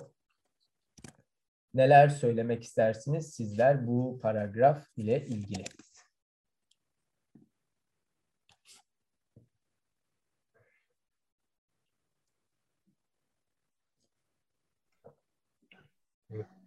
Ben bu öğrenci olup olmama e, eğitim konusundan devam etmek istiyorum. E, şu bu açıdan hasta herhangi birisi, herhangi bir öğrenci gibi davranır ama bu onun hastalığı değil, sadece zekasını etkiler. Ee, geçtiğimiz hafta Kübra Hanım bahsetmişti Jacotot yönteminden. Ee, Cahil Hoca kitabında e, var. İlk hemen e, Telemak o hoca, Cahil Hoca Telemak'ı bir dilden okuyor. E, o diğer dili bilmiyorum ama e, birbiriyle konuşması, iletişim kurması imkansız iki insan e, grubu diyelim. Biri hoca, biri öğrenciler birbirleriyle anlaşabiliyorlar. Yani aslında her iki tarafta e, birbirlerine dair bilgisi yok ama hocanın bilgisizliği burada daha esas, cahil e, olması. Burada Jakotot e, karşı ol, Jakotot'un karşı olduğu şey eğitimin açıklayıcı tarafı. Bunu aptallaştırıcı diyor. Yani çok radikal bir kitap aslında bana kalırsa. Ee, birazcık da romantik tarafı da var. Romantik tarafı şu. Diyor ki kitapta yazmıyor. Bu benim yorumum. Bu dünya üzerinde bir kez olduysa birden fazla olabilir. Böyle bir önermesi var kitabın. Yani bir hoca hiç bilmediği dilde konuşan insanlara bir şey öğretebiliyorsa, tırnak içerisinde açıklamadan öğretebiliyorsa bu tekrardan olabilir. Bu eğitimin asimetrisini bilgi yoluyla kurduğu e, boyun eğme beklediği üzerinde bir itirazı var. E, buna itirazı var. Yani bağlı kalınacak tek bir kitap olsa bile herkes için tek bir kitap yok. Ama bu ilki, önemli olanların ilki. İkincisi, bu bence Şahin'in aradan önce sorduğu sorularla ilintili. Ee, şimdi doğrudan sözlerini hatırlayamayacağım ama belki kendisi hatırlar. Öğretmen sadece öğrencinin kurduğu bağlantıları denetleyen rolü var. Bunu Jakotot kendisi söylüyor. Bu da öne, Jakotot'un önerdiği eğitim modeli için önerdiği modelin ikinci kısmı. Herkes bir bağlantı kuruyor ama herkes kendice bağlantı kuruyor. Yani kendi öğren, yani yolunu çiziyor. Burada terkinden ayıran kısım bu zaten. Bu eğitim modeli denetleyen bir e, hoca var ama herkesin kendi yolunu bulmasına vesile oluyor. Bu geçtiğimiz haftaki tartışmanın birazcık daha açık e, kısmı olduğunu düşünüyorum. Ama dediğim gibi çok radikal ve bana kalırsa çok romantik bir kitap. Çünkü diyor ki bu bir kere yaşandıysa hep yaşanacak, yaşanabilir. Bunu bir daha yapabiliriz diyor. Bence böyle bir şey mümkün değil. Ee, ve aradan önce şunu konuştuk. Psikanalizin, psikanalitik çalışmanın eğitime benzer tarafı. Bunu Freud'un teknik yazılarında psikoterapi üzerine de tekrar görüyoruz. Freud bir hastanın eğitilebilir olup olmadığı üzerine konuşuyor ve hatta diyor ki yaşlıları almayın. Yani şimdi şaka yapmayayım ama doğrudan oraya okuyacağım. Psikanalitik tedaviye uygun olmanın belirleyici faktörü olan özellik yani hastanın eğitilebilir olup olmadığı başka bir bakış açısıyla tartışılmalıdır. Yani hastanın eğitilebilir olup olmaması bir gündem aslında bu metinde. Şimdi üçüncü e, kısım böyle paragraf paragraf. D D numarasının üçüncü paragrafı. Bunu da oradan okuyacağım. Hastaların yaşı psikanalitik tedaviye kabullerini belirlemede önemlidir. 50 yaşına yakın ve bu yaşın üzerindeki kişiler söz konusu olduğunda e, bir taraftan ulusal süreçlerin artık esneklikten yoksun olduğunu görürüz. Bu önemli bir plastisite tartışması aynı zamanda. Eğitim aynı zamanda bir plastisite meselesi ise e, burada bir plastisiteden bahsediyoruz. E, hani nörolojik bilimlerle ilintili düşünürsek Freud'un söylediklerini yaşlıların e, tırnak içerisinde yaşlıların e, belki bir yandan plastisitesi hakkında mı konuşuyor? E, eğer böyle diyorsa hangi bağlamlarda eleştirilebilir söylediği. Devam ediyorum. Yaşlı insanlar eğitilebilir değildir ve bu tedavinin hesaba kattığı bir noktadır. Daha devam etmiyor. Ama eğitim ve eğitilebilir olma kısmının psikanalitik çalışmaya dahil edilebilir ve edilemez kişiler hakkındaki tartışmayı da açtığını düşünüyorum. E, o yüzden bunları aktarmak istedim.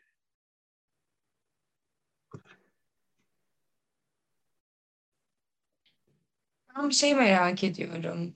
Jokotot'un e, metodunu neden uygulanamaz buluyorsun Batuhan? Hani sonuçta analitik terapide olan şey ondan çok da farklı gibi gelmiyor bana. Direkt olarak öğrenmedeki süreç hakkında mı öyle düşünüyorsun? Hmm, ben şey anlamında uygulanamaz dedim. Ee, okullarda yani. Evet orada yani, zor. E, Katılıyorum tamam ben daha farklı düşünmüştüm.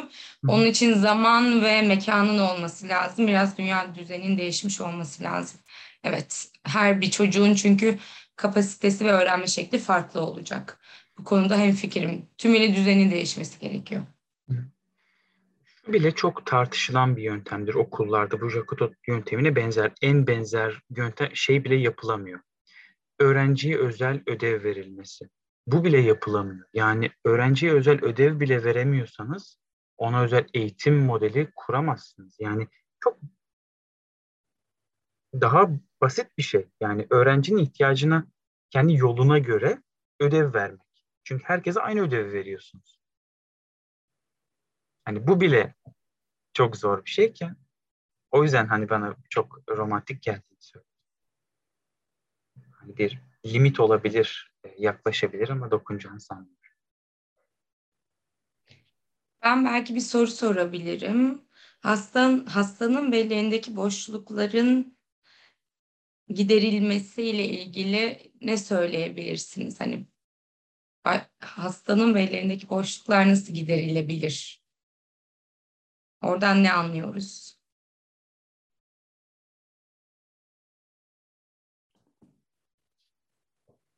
Bir fikri olan var mı?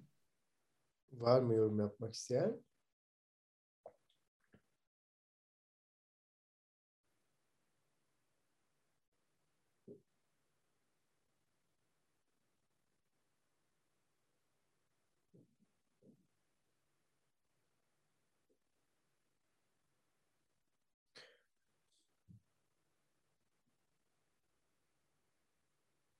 Yani bunu aslında Freud aktarım konferansında analizin amaçlarını sıraladığında işte bastırmaların ortadan kalkması, belleğin boşluklarının doldurulması gibi sıraladığında e, değinme fırsatımız olmuştu bilhassa geçen hafta. O yüzden hani geçen hafta söylenmiş olanları tekrar etmek istemem doğrusu ama şu bile bence iyi burada Freud hastanın belleğindeki boşlukların giderilmesinden bahsederken diğer bir yandan tetikleyici bastırmayı tetikleyen nedenleri bir virgül koyuyor ve bastırmayı tetikleyen nedenlere geçiyor. Yani bellekteki boşlukların doldurulması hadisesiyle bastırmayı tetikleyen hadiseler arasındaki ilişki çok net. O yüzden burada bellekteki boşlukları doldurma hadisesinin gizli kalmış ya da ortaya çıkarılmayı bekleyen bir bilgiyle e, açıklanamayacağı daha ziyade işte buradaki tetikleyici olan faktörün ve belleğin yeniden yazılmasını mümkün kılan faktörün ne olduğunun konuşulması gerekiyor gibi geliyor. Çünkü hani Freud'da bu Freud bastırmayı çok erken dönemlerden itibaren böyle açıklıyor. Yani bastırma bir e, çevirinin namümkün olmasıdır. Eğer çeviri gerçekleşmiş olsaydı ruhsal düzende yani topolojik seviyede bir kayıt başka bir kayıda sorunsuzca dönüşebilseydi bastırma olmayacaktı. Dönüşememiştir. Dönüşemediği yerde bastırma ortaya çıkar diyor Freud 52. mektupta. Burada ilginç olan nokta şudur. Birincisi o mektupta Freud'un düşlerin yorumunda sunduğu e, regresyon başlığında sunduğu şemanın çok benzerini görürüz. Yani bu topolojik açıdan önem arz eden bir e, ilk açıklama olduğunu bize gösterir. İkincisi Freud birden fazla yazı türünden bahseder. Ve bu birden fazla yazı türünü farklı cinsel evrelerle açıklar. Çocuğu cinsellik e, gelişim evreleri diyelim ona şimdi. Ama görüleceği, görülebileceği üzere bu gelişim evreleri denen şeyler de birbirini izleyen ve birbirini tüketen şeyler değildir. Sadece birbirlerinden farklı olan evreler olduğunu belki söylemek mümkün. Yani elimizde şu var. Birden fazla yazı, cinselliği işaretleyen birden fazla evre ve üçüncüsü de çift cinsellik meselesi var. Benim bildiğim kadarıyla umarım öyledir çünkü tezde öyle yazmıştım. Freud'un çift cinsellikten bahsettiği ilk mektup odur. Yani ilk yazısı o. Ee, ve orada işte bu evreleri çift cinsellik çerçevesinde okuyor Freud'un. Freud. Ee, bu da başka bir e, değişken sokmuş oluyor işin içerisine. Yani kombinasyonu katlayan bir şey oluyor. Zaten evreler var birden fazla bir de üstüne çift cinsellik ve siz onu katlamış oluyorsunuz. Tabii ki o kadar erken bir dönemde Freud'un çift cinsellik üzerine görüşlerinin de o dönemde aşağı yukarı ne olduğunun tartışılması gerekir. Sanki o dönemde Filis'e çok daha fazla yakın. Sonradan ayrılacaklar. Ee, belki kabaca bunları söylemek mümkün ama e, şey geçen hafta ile böyle çakışmadan ben naçizane bunu e, söyleyebilirim bence.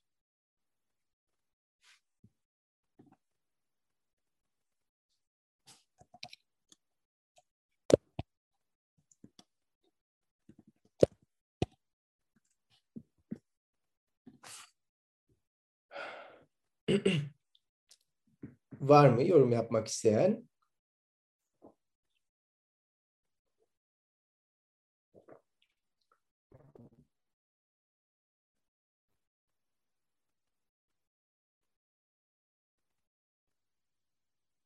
Peki, şöyle diyor Freud. Tedavi boyunca kolayca negatif aktarımlara dönüşebilen direnmelere karşı kesintisiz bir mücadele vermemiz gerçeği de belli noktalarda telkini kabul etmemizi zorlaştırır. Başka türlü telkin ürünü olmasına kuşkulanacağımız çok sayıda analitik bulgunun kuşkuya yer bırakmayacak kadar açık bir başka kaynakla doğrulandığını da belirtmeden geçemeyiz. Bu konudaki garantörlerimiz telkinle kesinlikle etkilenmedikleri için etkilen, etkilenmedikleri açık olan erken bunamalı ve paranoid hastalardır. Bu hastaların ürettiği ve bilinç düzeyine çıkmayı başaran sembollerin ve fantezilerin tercümeleri, aktarım nevrozluların bilinç dışı üzerine yaptığımız incelemelerin sonuç incelemelerimizin sonuçlarına uyar ve dolayısıyla sık sık kuşku konusu olan yorumlarımızın nesnel doğruluğunu doğrular. Bu noktalarda analize güvenmekte hata etmeyeceğimizi sanıyorum. İyileşme mekanizmalarına ilişkin sunumu, libido teorisi formülleriyle ifade ederek tamamlamak istiyorum. Nevrotik kişi libidosu gerçek bir nesneye yönelmediği için haz alma yetisinden, enerjisinin büyük bir bölümünü libidoyu baskı altında tutma ve saldırılarından korunma işinde harcadığı için de etkili olma yeteneğinden yoksundur. Egosu ile libidosu arasındaki çatışma sona erdiği ve ikisi de onun kontrolüne girdiği takdirde tekrar sağlıklı olacaktır. Dolayısıyla tedavi libidonun egodan uzaklaşan mevcut bağlarından kurtarılması ve tekrar egonun hizmetine verilmesi olarak tanımlanabilir. Peki nevrotiğin libidosu nerededir? Kolayca bulunur. Libido sadece ikame doyumları mümkün kılan semptomlara bağlıdır. Dolayısıyla semptomları anlamamız ve çözmemiz gerekir. Bu da hastanın bizden beklediklerine aynen uyar. Semptomları çözmek için kökenlerine kadar geri gitmemiz, bunlara kaynaklık eden çatışmayı canlandırmamız ve geçmişte hastanın emrinde olmayan güdü güçlerinin de yardımıyla bu çatışmayı farklı bir çözüme yönlendirmemiz gerekir. Bastırma sürecindeki bu revizyon, bastırmaya yol açan süreçlerin bellek izleriyle bağlantılı olarak ancak kısmen yapılabilir. Çalışmanın belirleyici kısmı hastanın doktorla olan ilişkisinde yani aktarımda eski çatışmaların yeni versiyonları yaratılarak gerçekleşir. Bu çatışmalarda hasta geçmişteki gibi davranmak isterken biz hastadaki kullanılabilen her türlü ruhsal gücü bir araya toplayarak onu yeni bir karar vermeye zorlarız. Böylece aktarım bütün çatışan güçlerin mücadeleye giriştiği bir savaş alanına dönüşür diyor Freud bize. Neler söylemek istersiniz bu kısım hakkında?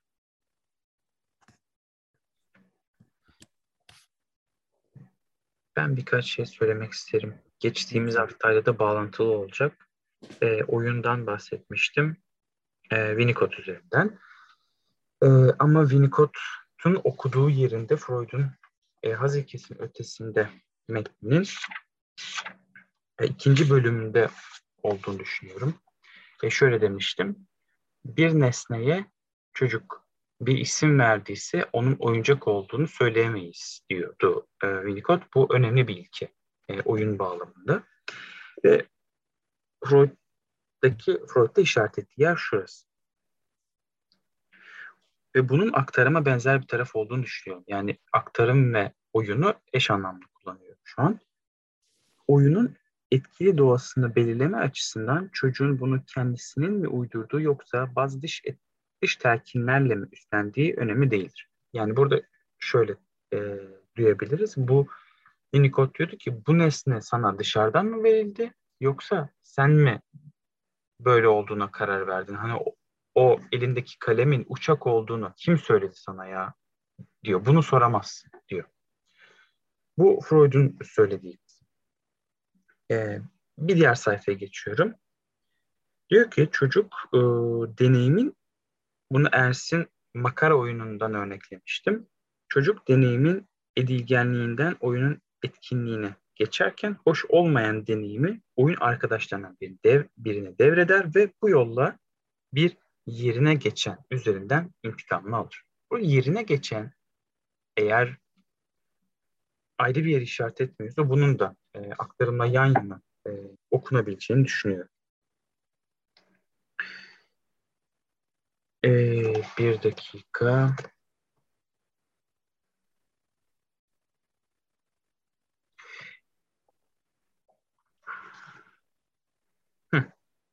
Şimdi bir yandan bu şimdi yaratıcı yazarlar ve gündüz güçleri metnine geçiyorum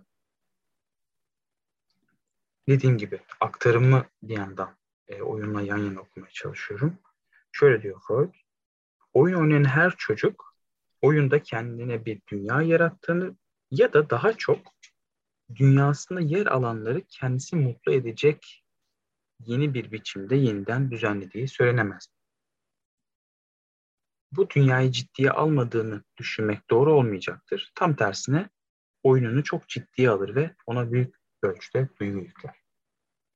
E, ben bunun oyun oyunun e, aktarımla alakalı olabileceğini düşünüyorum.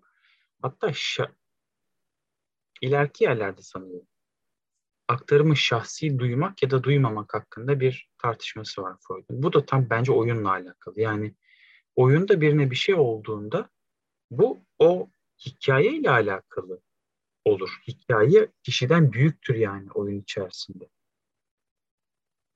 Bir tane parantezle bir tane örnek e, anlatmak istiyorum. E, spontanite tiyatroyu belki izlemiş olanlarınız vardır. Sponta, spontane tiyatroda hikaye seyirciden alır. Bir moderatör vardır ve der ki bu iki kişi şimdi tartışacak, kavga edecek, işte bir şey yapacak. Ne, ne yapıyor bu kişi der ve seyirci söyler.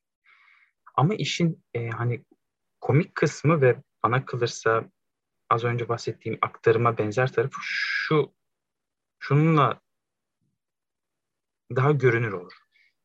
O kişiye bir kişilik özelliği istediğinde, seyirci söylediğinde bazı seyirciler şey yapar, hakaret eder. Yavşak der, şerefsiz der, işte ne bileyim. Ağzına geleni söyler. Bunu şu rahatlıkla söyler. Orada söylenen her şey oyundur ve kişisel algılamayacaktır. Ama aslında bununla oynar yani orada. E, bu kuralla oynar birazcık. E, Yani burada oyun içerisinde onun şahsi olmadığı bir anlama dönüştüğü bağlamında örnek verdim bu o, tiyatro örneğini. E, aktarımın oyunla yan yana okunabilir kısmına işte notlarımdan bunları söylemek istedim. Ben belki bir şey ee, oyun kısmında değil de ben Batuhan'a geçiş alanı ve geçiş nesnesinde çok katılıyorum. Yani oyun yerine ben geçiş nesnesini ya da geçiş alanını koyduğum zaman Winnicott'la okuduğumuzda tümüyle terapi odasını görebiliyorum. Çünkü geçiş nesnesinde de çocuk işte bir battaniyeye bağlanır, e, sürekli yanında tuttuğu bir işte ayıcığı vardır ve e, ona bütün duygularını anlatır. Annesi yokken yanına alır, bütün o duygularını onunla birlikte yaşar. Benim için terapi odası da biraz daha geçmişte yaşanan duyguları tekrar yaşadığı ve tekrar aktarabildiği bir geçiş alanı oluşturabildi ve terapisti biraz daha geçiş nesnesi olarak kullanabildiği alan. Aslında söylediğin her şeye katılıyorum. Ama sadece tabii ki de onun içinde oyun var ama Winnicott deyince direkt benim aklıma terapideki geçiş alanı, geçiş nesnesi, bir şekilde eskiden yaşanılan duygunun tekrar hani çocuk çocuk için düşündüğümüzde işte anneden ayrılmayı deniyor ama yapamıyor. Ee, çok yumuş yumuş bir battaniyesi var.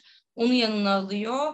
Annesi olmadığı zaman ona sarılıyor. Başka bir şeyi başka olumsuz bir duyguyu katlanmaya çalışıyor da değiştirmeye çalışıyor.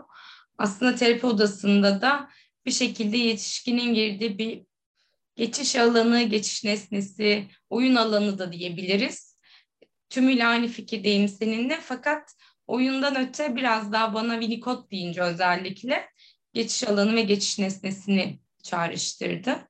Ama senin aynı fikirdeyim.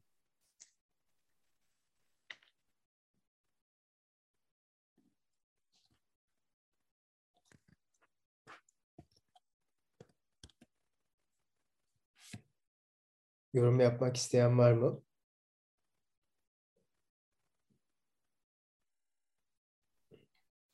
Bir tane gereksiz bir parantez açabilirim. Bir de e, o an gerçekten bir fiil savaş olan dönemden bahsediyoruz. Galiba bölümün sonlarına doğru Freud söylüyor. Yani bugün bugün dediği bir an vardı. Orada savaştan tekrar bahsediyor.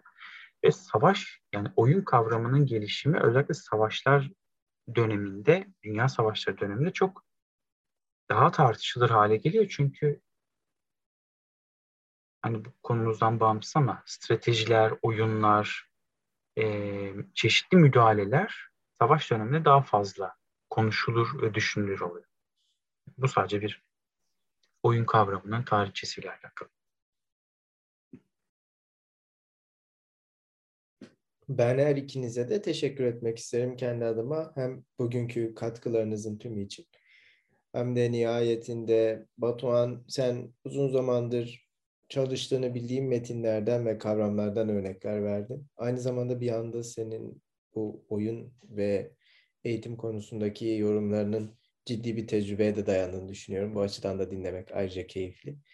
Ee, Kübra'da farklı bir e, teorisyeni işin içerisine dahil etti ki hani e, burada genellikle atıflarımızın hani Lacan'a olduğunu düşünecek olursak Winnicott gibi, Klein gibi e, diğer teorisyenleri andığımız anların kıymetli olduğunu düşünüyorum. Yani e, ben moderatör olarak bunu yapamıyorum çünkü bu yazarları tanımıyorum, bilmiyorum, okumadım, çalışmadım. Ama bir başkası getirdiğinde bu konudaki çalışmalarını bence bu e, çalışmamızın selameti açısından daima kıymetli sonuçlara gebe oluyor.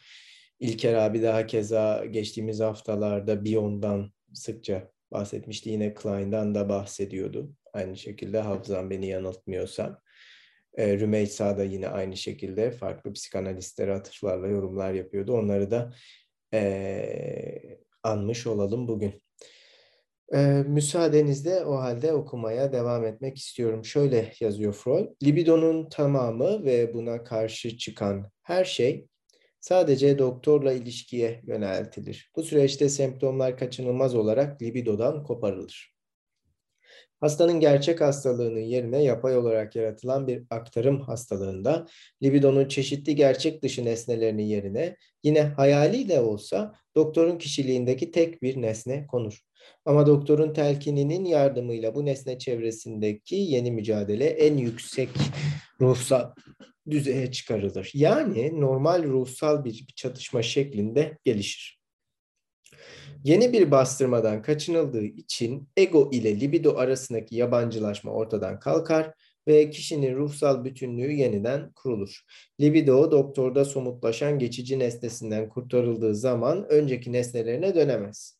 Egonun emrine girer. Terapi sırasında mücadele ettiğimiz güçler bir yandan egonun libidonun belli eğilimlerine yönelik antipatisi ki bu bastırma eğilimiyle kendini gösteren bir antipatidir. Diğer yandan da enerjiyle yüklediği nesnelerden ayrılmak istemeyen libidonun inatçılığı veya yapışkanlığıdır. Dolayısıyla terapi çalışmamız iki evreye ayrılır. İlkinde libidonun tamamı semptomlardan koparılarak aktarım üzerinde odaklaştırılır. İkincisinde ise mücadele bu yeni nesne çevresine gelişir ve libido bu nesneden kurtarılır. Elverişli sonucu belirleyen değişme Yeniden canlanan bu çatışma bastırmanın devre dışı bırakılması, böylece libidonun bilinç dışına kaçarak egodan kaçamamasıdır. Bu doktorun telkininin etkisiyle gerçekleşen bir ego değişmesiyle mümkün kılınır. Bilinç dışı olanı bilinçliğe dönüştüren yorum çalışması yoluyla ego bu bilinç dışı pahasına gelişir. Eğitim yoluyla libidoya karşı daha uzlaşmacı olması, ona bir ölçüde doyum hakkı tanıması sağlanır. Ve libidonun bir bölümünün yüceltmeyle harcanması olasılığı, libidonun isteklerine karşı egonun tiksintisinde düşüşe yol açar. Tedavideki olaylar tanımlanan bu ideale ne kadar yakın olursa psikanalitik terapinin başarısı da o kadar büyük olur. Nesnelerinden ayrılmayı reddeden libidodaki hareketsizlik ve nesnelere aktarımın belli sınırların üstüne çıkmasına izin vermeyen narsisizmdeki katılık terapinin sınırlarını da belirler. Egonun egemenliğinden uzaklaşan libidonun bir kısmını aktarım yoluyla kendi üzerimize çekerek tamamının kontrolünü ele geçirdiğimizi söylersem iyileşme sürecinin dinamiklerine biraz daha ışık tutmuş olabilirim demiş Freud bize. Neler söylemek istersiniz bu paragraf ile ilgili olarak? Bu paragraflar desem daha doğru olur.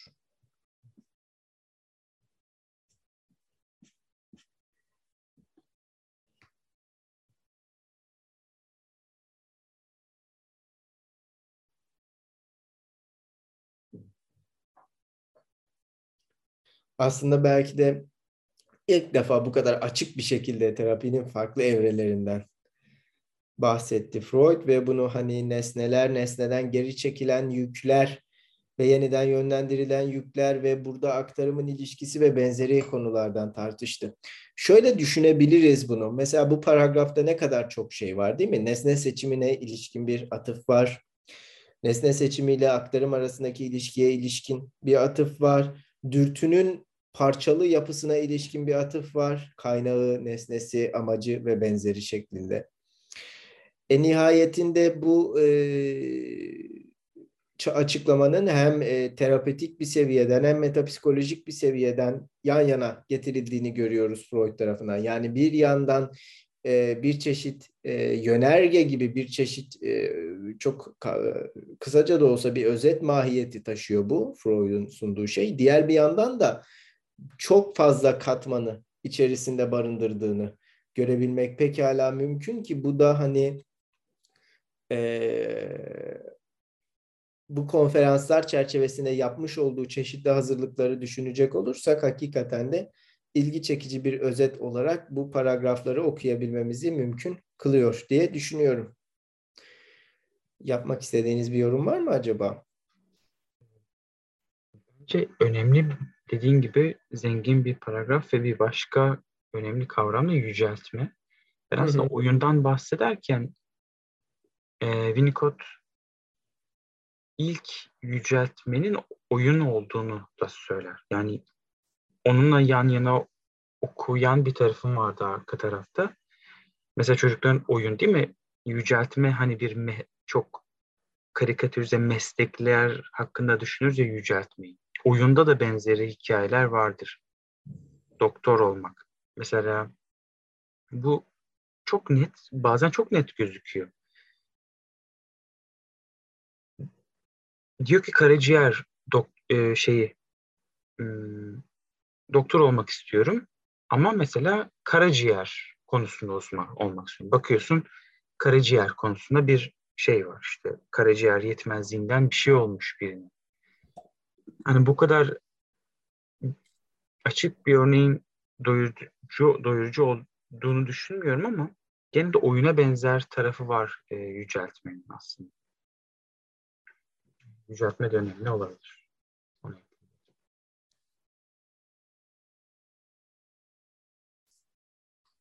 Eklemek istediğiniz bir şey var mı Batuhan'a?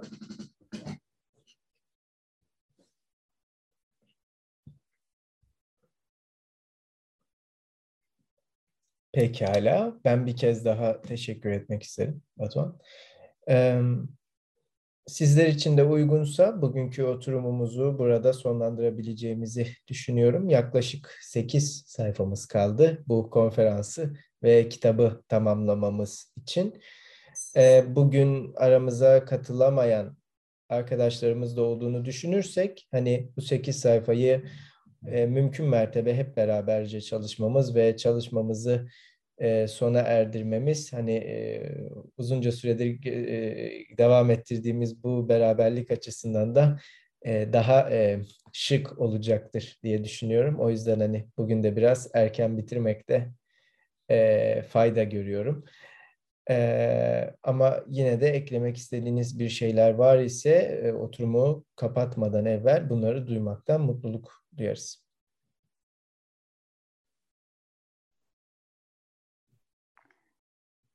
Merhabalar. Merhaba Tuğba Hanım. Ee, bittiğini anlamadım. O nedenle biraz aceleyle tekrar e, ilgimi çeken tarafı odaklandım.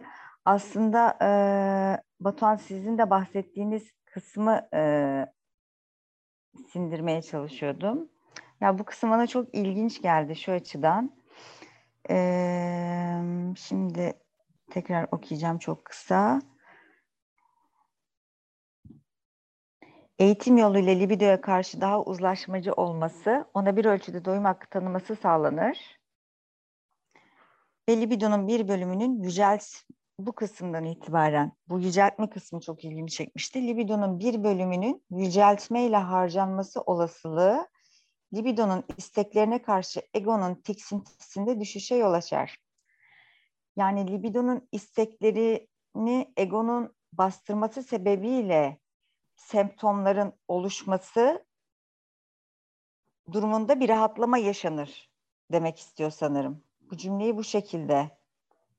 Ya bu tiksinti kelimesi çok ilgimi çekmişti. Ee, bilmiyorum doğru mu yorumladım. Yani tiksinti herhalde egonun tiksintisi libidonun isteklerine karşı duyduğu tiksintinin sonucu semptomdur gibi algılıyorum. Fikrinizi merak ettim ne düşündüğünüzü. Yani tiksinti kelimesi çok çarpıcı bir kelime. Daha önce hiç e, geçtiğini de hatırlamıyorum.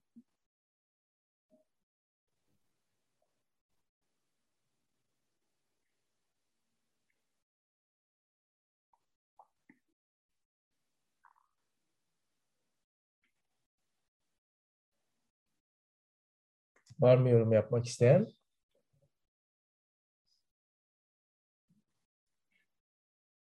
Ben yani tiksinmek bence de çok kuvvetli bir ifade ama doğrudan ona dair bir şey aklımda yok ama yüceltme meselesini açayım ben. Şimdi doğrudan sayfa sayısını hatırlamıyorum ama tekrardan sanat ve edebiyatta olabilir. Bu yüceltmenin Freud bir yerde Hunlarla Romalılar arasında e, savaşa dair bir örnek veriyor. E, şimdi tabloyu da aradım ama sonrasında atarım belki. Savaş alanı, savaşıyor insanlar, ölüyorlar ve yükseliyorlar. Yükseldiği yerde tekrardan hareketliler. Yani, hmm. e, şey hala hareket imkanı hala devam ediyor aslında orada. E, bununla ilişkili bir tarafı var. Yani yüceltmenin daha yüksek bir düzeyde devam ediyor. E, şey mücadelenin kendisi ya da hareket imkanının kendisi hala devam ediyor. E, ama tiksintiyi bilmiyorum maalesef. Sadece hani yüceltmeyi açabilmek için bir e, örnek Freud'un verdiği. Ee, Batuhan'ın verdiği tablo örneği Ego ve İd'in 3. bölümünün son paragrafında görülebilir. Bu kitaptan varsa elinizde Payel baskısı metapsikolojinin 365. sayfasından bahsediyorum. Ee, burada ayrıca editöründe bir açıklayıcı dipnot yazmış olduğunu görebilirsiniz. Sizin tiksinti kelimesiyle böyle ilgilenmenizdeki sebep tam olarak nedir Tuğba Hanım? Yani ilginizi çektiğini anlıyorum ama mesela kelime çok yüklü olduğu için mi ilginizi çekti? Yani farklı bir sebebi mi var teorik açıdan? Çok güçlü geldi. Yüceltme ve tiksintinin e, aynı cümle içinde geçmesi yani o tezatlık e, çok çarpıcı geldi. O yüzden e, çok yoğunlaştım o cümleye. Tam olarak ne anlattığını anlamak için. E, yani egonun genişlemesi e, bu e, eğitim yoluyla egonun gelişlemesi, egonun genişleyerek libidoyu daha uzlaşmacı bir şekilde ele alması e, yoluyla e, yani tedavinin sürdürülmesi konusunu sindirebiliyorum. Ama bu noktada yüceltmenin e, yerini tam algılayamadım. Nasıl konumlandırıldığını yani burada yüceltme nasıl devreye giriyor? E, bu süreçte e, ve libidonun bir bölümünün yüceltmeyle harcanması olasılığıyla e, egonun tiksintisinde düşüşe yol açması. Yani burada çok e, bir anlam var gibi hissediyorum. Bence bu çok kıymetli bir not. Ee, şimdi bana soracak olursanız yüceltmeyi şu anda tartışamayız. Yani vakit el vermeyeceği gibi çünkü Freud'un da sunduğu açıklamaların hep parçalı ve hani dağınık olduğunu görmek mümkün. Aklıma iki şey geliyor bu hadiseyle ilgili olarak. Birincisi Freud'un benim bildiğim kadarıyla iki farklı yerde kullandığı Latince bir tabir idrar ile dışkı arasından doğarız tabiri. Diğeri ise şudur. Vahşi analiz metninde Freud der ki biz cinselliğin en düşük, en bayağı anlamlarından onun en yüce olanlarına kadar bütün anlamlarıyla ilgileniriz diyor Freud. Ve nihayetinde örneğin ben naçizane çok ciddi şekilde çalıştığımı söyleyemem ama Lacan'ın e, psikanalizin etiği başlıklı 7. seminerinde de görülebileceği üzere e, psikanalizde yüceltme mevzu bahis olduğunda hem en aşağı olanla hem de en fazla ülküselleştirilenin e, beraberce düşünüldüğünü görebilmek mümkün oluyor. Dolayısıyla biz hep yüceltmeye e, belki onu bir nebze de olsa psikolojize ederek e, sanatsal faaliyetler, entelektüel faaliyetler ve benzeri çerçevesinden bakıyoruz ve işte cinsel olan çeşitli dürtülerin e, tırnak içerisinde söylemek mümkün amaçlarından saptırılmış olmasını gündeme getiriyoruz. Belki yüceltme çerçevesinde şunu düşünmemiz mümkün olabilir. Amacına ulaşabilecek olan, amacından saptırılmamış olan herhangi bir dürtü var mıdır? Eğer varsa o dürtünün amacı tam olarak nedir? Örneğin cinsel dürtülerden bahsediyorsak amaç dediğimiz şey e, penetrasyon mudur örneğin? E, ya da cinsel eylemin farklı bir biçimi midir? Ee, bunu tartışmaya açabilmek gerekir ki Freud zaten cinsel eylemin amacı olarak penetrasyonun ele alınamayacağını, öne sürülemeyeceğinden çok açıkça bahseder. Diğer bir yandan bir de e, amacı ketlenmiş dürtüler olarak bahsettiği bu Ziel Gehemt Almancası bahsettiği dürtüler ve kaderlerindeki bir yol olarak meseleyi e, gündeme getirmek mümkün olabilir. Nihayetinde dürtüler ve kaderleri metni hep sadizmden mazoşizme dönüş ve benzeri çerçevesinde ele alınır ama Freud'un orada şunu yaptığı çok açıktır. Bastırmayı zaten ayrı bir makalede ele almıştır Freud. Dolayısıyla bastırmanın dürtünün kaderlerinden birisi olarak gündeme getirilmesiyle ilgilenmez. O makalede zaten onu yapmıştır. Ama dürtünün olası dönüşümü, olası görünümlerinden birisi de yüceltilmesidir ki o metinde Freud işte tam olarak onu tartışmaz ve bunun ayrıca bir metapsikolojik makalede tartışılacağını söyler. Ama maalesef o makale elimizde yoktur. Yani yüceltme aslına bakacak olursanız doğrudan hangi faaliyetlerle gerçekleştirildiği tartışmaya tartışma konusu edilen bir çeşit e, mekanizma olmakla birlikte yüceltme denen şeyi tartışabilmek için öncelikle cinsel eylem, cinsel ilişki hatta cinsellik ve cinsiyetlenme meselelerinin tartışıla gelmesi gerekiyor ki sanki yüceltmeyi tartışabilin. Çünkü neyin amacından, hangi amacın ketlenmesinden ya da dönüşmesinden bahsedebiliyorsunuz ki yüceltmeyi gündeme getirebilir. Ama diğer bir yandan Nasıl ki Freud'da örneğin ikircikli duygulardan bahsediyorsak, nasıl ki sevgiyle nefret arasındaki mesafe çok çok kısaysa, hatta birisi ancak diğeri var oldukça varlığını sürdürebiliyorsa, tiksintiyle yüceltme arasındaki mesafe de çok kısa, hatta mesafesiz, hatta birbirinin ardı olacak şekilde söz konusu olabilir. Dolayısıyla tiksinti ancak yüceltme kadar güçlü bir kavramdır dersek belki e, yola çıkmak için bir adım atmış oluruz ama hani şimdilik benim de söyleyebileceklerim bundan fazlası olmayacaktır. Ee, Kübra Hanım söz istemiş kendisine de söz vereyim ve sonra oturumumuzu kapatalım.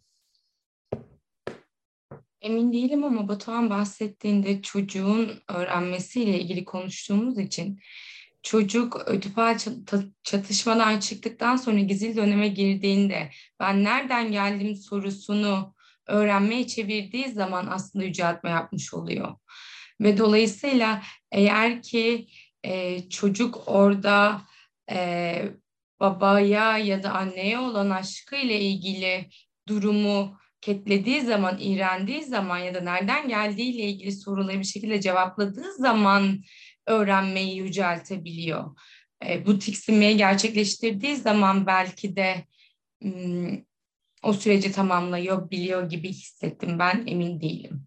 O biraz ötüpalden sonra gelen bir dönemmiş gibi geldi bana tiksinmenin gelmesi. Bilmiyorum. Çünkü yüceltme tam o dönemlerde yapılıyormuş gibi.